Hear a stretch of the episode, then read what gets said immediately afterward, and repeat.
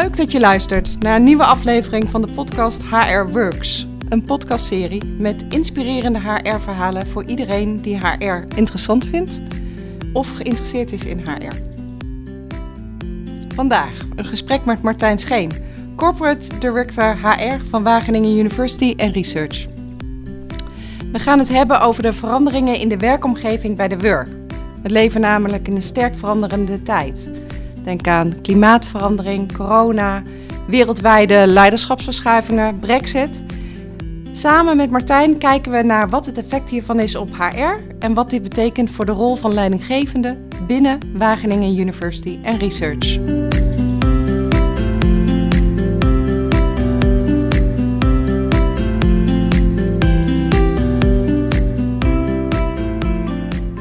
Nou, fijn dat je er bent, Martijn. Ja, dankjewel. Ja, om maar direct met de eerste vraag te beginnen. Ehm, kun jij eens aangeven uh, wat er voor jou uh, de afgelopen maanden veranderd is in je werk? Wat doe jij nu anders dan dat je dat in maart deed? Ja, ja. ja, mooie vraag. Ik weet niet of je dat nog kan herinneren, maar het waren natuurlijk hele rare eerste weken. En ik dacht bij mezelf van, joh, dat gaat drie weken duren en dan komen we wel weer gezellig op, op kantoor. Ik had wat extra werk mee naar huis genomen. Ik denk, nou, dan kom ik daar ook eens aan toe. Maar de hele tsunami aan, aan, aan dingen die op ons afkwam als HR, uh, die was gigantisch groot. En ook de manier van communiceren met elkaar. Hè. In, de, in de paniek gingen we bijna, nou, elkaar bijna elke dag met teams bespreken. Terwijl normaal gesproken zag je je eigen team één keer per week. Ja. Nou, toen opeens elke dag of drie keer per week. En um, je vraag van wat is er veranderd sinds die tijd is dus de frequentie van de mensen die ik aanstuur, het contact met hun is, is veel, uh, veel vaker. Dat is handig. Um, maar de, de, de, de mensen die daaronder vallen, die zie ik weer veel minder vaak. Dat vind ik echt jammer. Dus dat is ook wel weer veranderd. Um, nu we de afgelopen weken weer de kans hadden om iets vaker op kantoor te komen, zie ik ze toevallig. Maar wel veel minder dan normaal gesproken. Dus dat is uh, dus veranderd. Dus voor mij persoonlijk ook van ja, hoe ga je meer op afstand contact met elkaar hebben en het overleg voeren. Uh, dat is wel een grote verandering sinds uh, maart. Ja, hey, want je zegt van er is een tsunami uh, op ons afgekomen, op HR. Ja. kun je daar iets over vertellen? Wat, wat, wat, wat is er allemaal op jou en ons afgekomen? Ja, ja joh, ik dacht aan het begin van nou, wat kan er, wat kan er in zo'n omgeving gebeuren? Hè? iedereen is al gewend met thuiswerken en dat doen we een tijdje. Dus ja, wat voor vragen komen er op ons af? Maar je wil niet weten hoeveel vragen op ons afkwamen. Bijvoorbeeld, hoe gaan we om met uh, buiten, buitenlandse medewerkers die hier starten en die kunnen komen? Hoe gaan we om met kinderen, uh, of tenminste mensen met kinderen en, en, en verlof? Nou, zo waren er wel, ik geloof iets van, hè, we hebben in totaal alle issues in kaart gebracht. Welke thema's, dus van recruitment, hè, hoe doen we het onboardingprogramma, tot en met hoe gaan we om met studievertragingen of met onderzoeksvertragingen. Uiteindelijk waren er 23 grote HR-issues die we binnen, ja, binnen een paar weken moesten oplossen. Dus HR heeft heel erg, uh, heel erg geleverd. En um, dat werd ook wel gezien door de organisatie. Bijvoorbeeld Louise zei ook van nou, HR vind ik altijd al een van de belangrijkste disciplines binnen een organisatie. Maar ten tijde van de crisis zie je dat ze eigenlijk de allerbelangrijkste zijn. Dat was ook wel een compliment aan ons, want ja, we moesten ook echt leveren als HR. Ja, en wat je ook zag binnen Weur was dat ja, onze managers die, die hebben toch echt wel heel veel hulp nodig bij um, ja, hoe, gaan we, hoe, hoe, hoe, voeren we het gesprek met onze mensen in deze situatie? Hoe, wat kan ik verwachten, wat niet? Hè? Terwijl iedere... Misschien iedere, wel ook wat mag ik vragen? Ja, wat mag ik vragen? Wat kan wel, wat kan niet? Ja. Uh, en dan moet je oppassen als HR dat je niet gedrongen wordt in een schrijven van een leidraad. Hè? Want het liefst willen ze gewoon een algoritme van medewerker knipoogt of vertrekt met linker elleboog. Of met, en dan moet je dat zeggen. Nee, het blijft maatwerk. En dat is moeilijk. Dus we moesten de, de, de balans zoeken tussen guidance geven aan de andere kant. En aan de andere kant hun ja, uh, begeleiden in, ga maar gewoon het gesprek aan. Hè? En uh, dat, dat, is, dat is wat we hebben geprobeerd. Maar was dat niet al een thema wat al speelde? Hè? Van hoe, eigenlijk gaat het over hoe voer ik nou een gesprek met een medewerker. Ja, ja of misschien wel over integraal management. Wat natuurlijk ook al speelde ja. voor corona. Ja. ja, nee, het was al een thema hè, ja. waar we op ingezet hebben. Hoe voer je het gesprek? Maar door die rare omstandigheden en op afstand werken... Ja, kreeg het wel opeens een, een, een meer urgentie of een andere dynamiek... die we, die we niet voorzien hadden. Hè? Dus wat dat betreft ehm, ja, ging het anders. Wat wel leuk is om meteen te melden, is dat, kijk, het, afstand, of het werk op afstand en het leidinggeven op afstand, dat, ehm, eh, ja, dat vonden veel leidinggevenden ook wel spannend. Hè? Want dan zie je mensen niet meer en heb je ze niet meer bij je. Terwijl ik altijd zeg van ja, als je ze bij je hebt zitten zogenaamd, dan kunnen ze ook zitten patiënten als je ze niet vertrouwt. En, ja. en laten we wel zien hoeveel mensen doen dat nou. Weet je, dat is nog, nog geen 1% zeker binnen zo'n organisatie als de onze. Maar door de rare omstandigheden ehm, ja, moesten ze dat vertrouwen wel geven en werd dat ook helemaal niet beschaamd. Hè? Onze mensen gingen harder werken dan ooit. Dus de leidinggevenden kregen meteen ook wel zo van, oké, nee, maar ik kan mijn mensen dus in dat opzicht nou, vertrouwen. Uh, en loslaten. En loslaten. En, en, sturen op output. En dat komt ook uit die pulsmeting die vorige week uh, bekend is geworden. Dat leidinggevenden dat heel goed doen. Die geven veel autonomie en veel vertrouwen. Dus dat vind ik een hele mooie ontwikkeling. En geven ze dat ook aan jou terug? Of uh, hoor je dat ook in de organisatie? Uh, wat dat betekent, hè, hoe ze dat ervaren in hun eigen rol? Dat ze die shift mogen maken of kunnen maken? Um, ja, ik, ik, ik vraag daar ook naar. Uh, dus ik krijg dat ook wel terug. En, en um, je hoort nog steeds wel, nog steeds wel um, veel leidinggevenden die, die het nog steeds spannend vinden. Dus die hebben die hele transitie nog niet gemaakt. Dus we zijn er nog lang niet. Maar de eerste stappen zijn gezet. En daarbij komt, wat je ook in die pulsmeting ziet, is dat, um, um, hè, wat ik zeg, er wordt vertrouwen gegeven. Um, er wordt ook wel feedback gegeven, maar dan echt op resultaat. Maar nog, wat mensen echt missen, is het persoonlijk contact. Hè, dus er wordt nog niet ook via een beeldscherm gevraagd van, goh, hoe gaat het eigenlijk met je? Heb je een goed weekend gehad? Uh, uh, kan je het allemaal nog aan, et cetera? Terwijl hm. daar moet het natuurlijk ook over gaan. Hè? Dus dat is dan de volgende slag. Daar kunnen we ook als HR, denk ik, onze leidinggevenden bij helpen. Ja, daar was ik inderdaad wel benieuwd naar. Van, je zegt van daar kunnen wij als HR-leidinggevenden bij helpen. Um, je vertelt over die, die ontwikkeling die leidinggevenden nu doormaken. Een andere manier van leiding geven. Um, wat betekent dat voor onze rol als HR in de ondersteuning van die leidinggevenden? Ja. Dat, dat vraagt ook iets anders van ons. Ja, dat vraagt zeker van ons. En dat is natuurlijk ook een lijn die we ingezet hebben de afgelopen jaren. Dat we als HR een andere rol moeten en gaan pakken. Kijk, zoals ik het zie, zijn we, zijn we ons aan het ontwikkelen volgens twee lijnen. we doen de P-kant, de personeelskant, en de O-kant. Dat is meer de, de, de beleidskant, zeg maar, even grofweg gezegd. En die P-kant, die operational excellence op de basisprocessen, dat moeten we de komende jaren veel, veel makkelijker, veel meer gaan, gaan goed gaan organiseren. Eh, waardoor we daar als HR minder tijd mee kwijt zijn en onze medewerkers daar meer in eh, bediend worden. En dat we daarmee tijd vrij spelen van onze HR-mensen en onszelf allemaal. Om juist waarde toe te voegen op het andere deel. Dat is namelijk hoe benutten we, even met een paraplu-begrip uitgedrukt, hoe benutten we het potentieel van onze mensen? En hoe laten we ze samenwerken? En hoe kunnen we vraag en aanbod van arbeid meer op elkaar laten aansluiten? Dat is de beweging die we, uh, die we aan het maken zijn met elkaar. Wordt het voor ons leuker? Want we voegen mhm. meer toe als HR. Daar krijgen we meer waardering voor. Um, ja, en onze, onze leidinggevenden en medewerkers worden er ook meer blij van. Denk je dat we meer waardering krijgen? Ik denk wel dat het namelijk leuker wordt voor ons. Maar denk je dat we in eerste instantie ook meer waardering krijgen? Ja, dat is een goede vraag. Ik denk in die end wel. Ja. In het begin niet. Hè, want als je, uh, mede als gevolg van, van hè, ons project TOM, waar we nu niet verder op ingaan, maar als we in gaan zetten op, op veel meer zelfservice van leidinggevende medewerkers, zullen ze in eerste instantie dat vervelend vinden. Want ja, daar waar je misschien voorheen meteen naar iemand toe kon stappen, uh, moet je dat nu in eerste instantie zelf zoeken. Dus in eerste instantie zal het niet uh, als prettig worden ervaren. Maar ik denk dat als je op die, die O-kant van PNO echt laat zien dat je er voor hun bent bij de moeilijke zaken en hoe zij kunnen sturen, hoe zij het gesprek kunnen voeren, hoe ze teams met elkaar kunnen laten samenwerken, ja, dan krijgen we wel meer waardering. En ik moet zeggen, ik zie er wel dat steeds meer toenemen. Dat, dat leidinggevende wil zeggen van we zien dat HR daar nu meer uh, het, het uh, roer pakt. En dat vind ik een hele mooie ontwikkeling. Heb je dan ook competenties die HR-adviseurs eigenlijk in hun rugzak zouden moeten hebben zitten om die transitie uit te kunnen voeren? Ja, ja zeker. Dat denk ik zeker. Kijk, ik zeg ook wel eens van HR zou eigenlijk één keer per maand bij zijn of haar leidinggevende of de manager die die ondersteunt, of, of zij ondersteunt, een prettig gevoel van buikpijn moeten veroorzaken door iets te noemen op het gebied van mensen en organisatie waar die manager nog niet aan gedacht heeft, waar de leidinggever nog niet aan gedacht heeft. Maar waar HR dan wel ook meteen de oplossing voor heeft.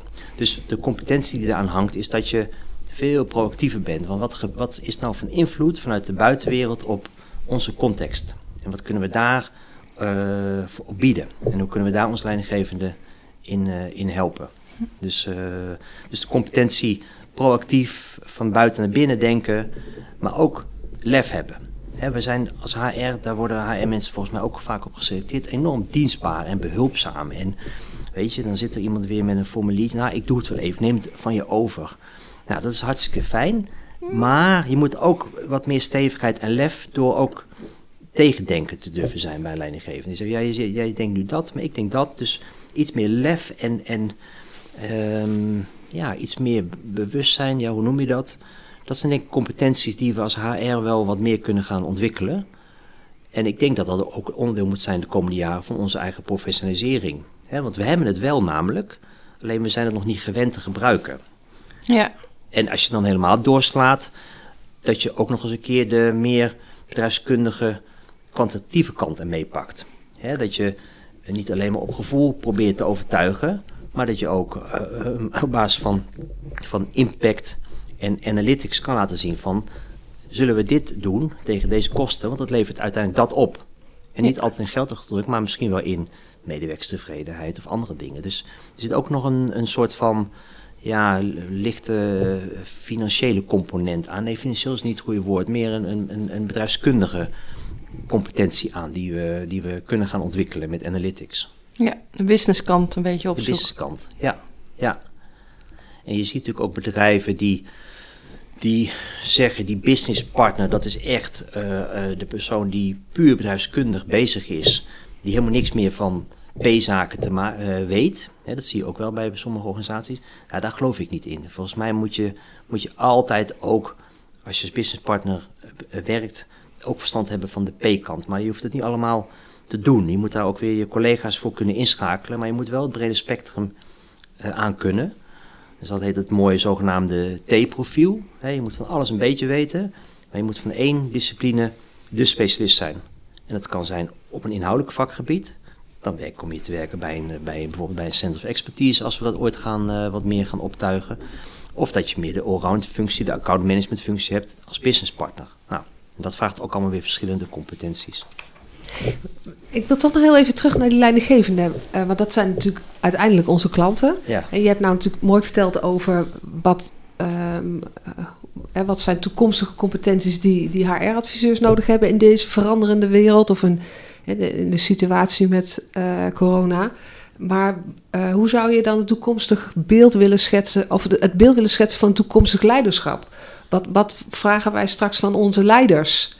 anders dan dat we dat een half jaar geleden vroegen. Ja, ja wat we anders vragen aan onze leiders, dat is ook wel een hele ingewikkelde vraag. In ieder geval wat we, wat we in de ideale situatie zouden willen, is dat ze meer vanuit gelijkwaardigheid, wederkerigheid met medewerkers het gesprek aangaan. En vaker dan nu over van waar ga jij, wat doe je nu en, en wat draag je bij en waar wil je naartoe bewegen. Dus dat je ehm, ja, misschien kan je dat opvatten als een, als een soort van coachend leiderschap in de ontwikkeling en sturing op eigen regie van onze medewerkers. Hè, daar hebben we natuurlijk onze nieuwe RNO-systematiek ook op ingezet. Dat de leidinggevende veel meer prikkelt en uh, nou, coacht om, om, een, om een medewerker uh, ja, zelf daar sturing op te laten pakken. Um, en daar ook bereid is om te zeggen, joh, weet je, je zit nu hier. Het zou voor jouw ontwikkeling heel goed zijn als je bij een andere kenniseenheid een tijd zou gaan werken. En dan kom je misschien daarna wel weer terug. En dat is ook de leidinggevende veel meer met elkaar daar op één manier kijken naar talent. En ook de talenten laten, laten gaan over verschillende uh, onderdelen. Dat, dat zou ik uh, heel mooi vinden. En dat, dat is ook een onderdeel van, ja, van leiderschapsontwikkeling. En als je nou kijkt naar uh, leiders in Nederland of leiders op de wereld. Wie is nou iemand waarvan jij zegt, nou dat vind ik nou zo'n mooi voorbeeld van iemand, daar word ik echt wel enthousiast van. Als we het hebben over, ja, misschien niet helemaal zoals je dat nu voor hier beschrijft, maar toekomstig leiderschap. Wie springt dan bij jou uh, in gedachten? Ja, Goh, dat is een leuke vraag. Um, Nou ja, weet je, ik ben, ik ben, ik ben eh, niet van de VVD. Maar als ik zo'n Rutte daar toch bij zo'n persconferentie weer zie praten, dan denk ik van ja, ik vind het wel knap. Ik vind het wel knap. Je moet het lef mee hebben om, eh, om het zo goed. En met name de manier inhoudelijk wat hij zegt, maar de manier waarop hij praat en, en, en, en het, het voordraagt en dat ook. Ja, daar heb ik dan wel, eh, daar heb ik wel respect voor. Ja. Dat vind ik wel heel, heel knap. eh. Ehm, maar als je, als ik meer nadenk over welke leiders kunnen ehm, veel meer op basis van verbinding en, en, en, en, en op basis van ja, op basis van sturen op, op, op waarde. Dat, dat ben ik, zit ik even te kijken waar ik, wat ik een goed idee vind. Ik kom er zo wel op, denk ik. Ik heb niet, niet het is stom, stom eigenlijk dat ik daar niet eens een antwoord op heb. Dan zal ik er zo wat langer over Nou ja, er is natuurlijk ook best wel heel veel gaande op, op dat gebied de afgelopen maanden als het gaat over leiderschap. Ja, En eh, er zijn natuurlijk mensen of leiders die zich eh, ja, op bijzondere manier allemaal eh, presenteren. nou ja, kijk, in negatieve zin verbaast mij wel, hè, en ik zei het ook eerder volgens mij tegen jullie, dat, dat hoe kan het nou in de wereld dat er leiders worden gekozen zoals een Trump of een Erdogan of een Poetin? Dat zijn toch, kijk, je kan je afvragen of dat allemaal even democratisch gebeurd is, maar blijkbaar wil toch wel een deel van het volk staat toe dat dat de leiders zijn. Ja. Hè? eh, en dat is wel, ja, dat verbaast mij in hoge mate. Hoe kan het dat men dat soort leiders dus nu wil? Ik ben daar nog niet, ik ben daar niet over uit hoe dat kan, waar dat in zit. Nee. Maar dat integreert mij wel. Ja, Ik weet niet of jullie een antwoord op hebben. nee. Nee. Nee, maar volgens mij, eh, zitten, maar volgens mij zitten zij op die plek niet omdat zij de meest ideale leiders zijn, maar omdat zij een ge- tegengeluid geven wat beter is, hè, dat tussen haakjes, wat beter is wat de ander Ja, zegt. hè. dan de dus, voorgangers. ja, dus kiezen maar uit de minst kwade. Ja, Ja, ja, en ze zijn natuurlijk heel ja. goed in het bespelen van de, van de, van de publieke opinie en de wat demagogische praat. Dat doet Ja. het dus blijkbaar Ja, goed. als je Ja. kijkt naar Trump, eh, kijk ik met mijn achtergrond, die houdt echt op theatergebied echt prachtige toespraken. Op de goede momenten stiltes. Ja, Die weet de zaal op te zwepen. Je kan het wel niet eens zijn met wat hij zegt, maar hij, hij flikt het wel. ja, Ja. klopt. Ja. klopt. Maar goed, Ja, en wij worden natuurlijk ook allemaal heel erg. Wij zijn ook biased in wat we zien. zeker. Want ik lees bijvoorbeeld de Volkskrant. Ja. En daar wordt natuurlijk altijd afgegeven op Trump. Ja. Maar laatst hoorde ik dan toevallig eh, een, een, eh, een, eh, podcast van, ehm, hoe heet die, eh, Rob Stenders, heet die Rob Stenders, een enorme rechtse vogel. Ja, en die ging dus helemaal los op, op hoe goed Trump was en dat we, dat we de Volkskrant dus ook niet moeten geloven, dat daar ook gekke dingen in staan. Hij kwam ook weer met een aantal feiten en denk van ja, dat hoor ik nou toevallig, maar dat, dat normaal gesproken komt dat niet tot mij, maar daar zit ook wel wat in. Hè? Dus het is ook heel erg hoe je zelf ge, voorgeframed bent en hoe Ja. je het nieuws leest. Dus Ja. ook daar zitten rare dingen in. Maar Ja. goed, het blijft raar. Kijk, zeker in Amerika na zo'n Obama denk je, ja, hoe kan dat nou zo zijn? En dat dan zo'n Biden ook als tegenkandidaat. Het is dan, ik denk, er is toch wel één iemand die dat vanuit democratisch be- be- beter kan. Maar ja, Ja. Niet Ja. dit jaar, denk ik. Nee, nee, nee, nee. nee. Nee, nou, dat, dat, dat- ik hou me hard vast hoe dat dan gaat. eh, ja. Ja, ja, ja, we gaan het meemaken. Over twee maanden weten we het. Ja. Ja, ja, ja. Nou, dat is een interessant vraagstuk. We kunnen volgens mij wel, wel een hele podcast aan, eh, aan vullen. ja, nee, leiderschap is fantastisch. Dat is wat dat betreft natuurlijk een van de mooiste onderwerpen van ons vak. Je begint er ook helemaal van te glimmen, Ja, zie ik ik. vind dat ook heel, ik vind dat ook heel, heel intrigerend. Ook, eh, ook binnen onze organisatie. Hè. Wat is de rol van een eh, voorzitter van de raad van bestuur? Hoe opereert zo'n eh, zo'n concernraad? Welke rol pakken die? Eh, hoe werkt dat met die algemeen directeuren? Eh, hè, dat zijn allemaal Zie vraagstukken. je daar dan al wel coachend leiderschap? Om toch terug, even terug te pakken naar... Ja. Want jij zei het... Nou, dat zou wel mooi zijn als we coaching leiderschap... eh, zie je het daar dan al wel? Ja, ik zie het daar wel steeds meer gebeuren. En wat ik ook heel leuk vind, zie ik met name bij algemeen directeuren, is dat ze er heel erg. ehm, en de ene is natuurlijk beter in dan het andere. Eh, we hebben nu een aantal nieuwe algemeen directeuren aangenomen die daar ook, ja, bij wijze van spreken, op geselecteerd zijn. Dus die kunnen het van nature al beter. Ja. En de andere, die zijn, de, die zijn bewust onbekwaam. Dus, dus de, de, de beweging om zo te werken, die is er, is er wel. Die is echt gaande. Ja, ja absoluut. Hm, Ja. Mooi. Nou, dat is inderdaad een goed, eh, ja, dat is een goed, eh goede conclusie, zeg maar. daar Ja, we blij van worden. Ja. Ja. ja. Nou, eh, volgens mij hebben we best wel al ehm, een aantal dingen bij de kop gehad uh, die we aan de orde willen stellen. Ja. En volgens mij kunnen we ook nog wel weer uren doorpraten.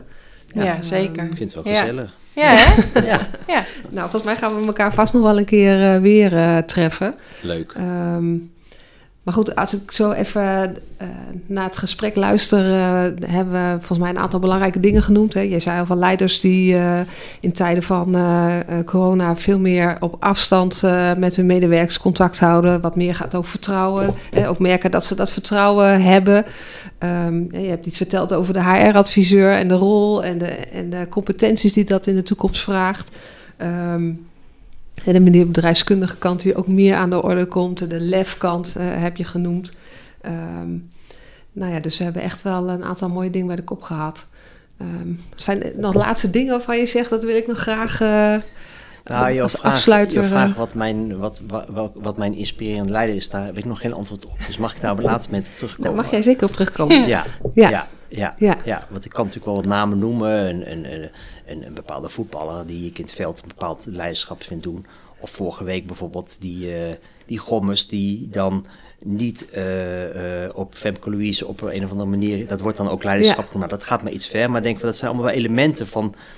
Ja, elementen van, van, van leiderschap die mij wel integreren. En, en, en, dus ik kom graag ja, op later ja. moment terug op of ik het antwoord heb. Wat is mijn ideale leider? Ja, nou ja, weet je, het is natuurlijk leuk, want we zijn natuurlijk binnen de, uh, eh, binnen de universiteit bezig met de, de leiderschapsdialoog en met elkaar kijken van, goh, hè, hoe kijken we naar leiderschap? Dus dat is misschien een mooi haakje om uh, ja, dat gesprek daar eens over te gaan. Zeker. En, dan, dat uh, gaan we in januari weer oppakken. hè? ja. Dus vorige week in de concernraad besloten dat we daar eh, in januari, februari weer eh, verder mee gaan. Dus Ja. daar ben ik heel blij om. Want ik dacht even van, nou weet je, eh, als gevolg van corona wordt dat, eh, wordt dat de nek omgedraaid. Maar dat is dus echt niet het geval. Oké.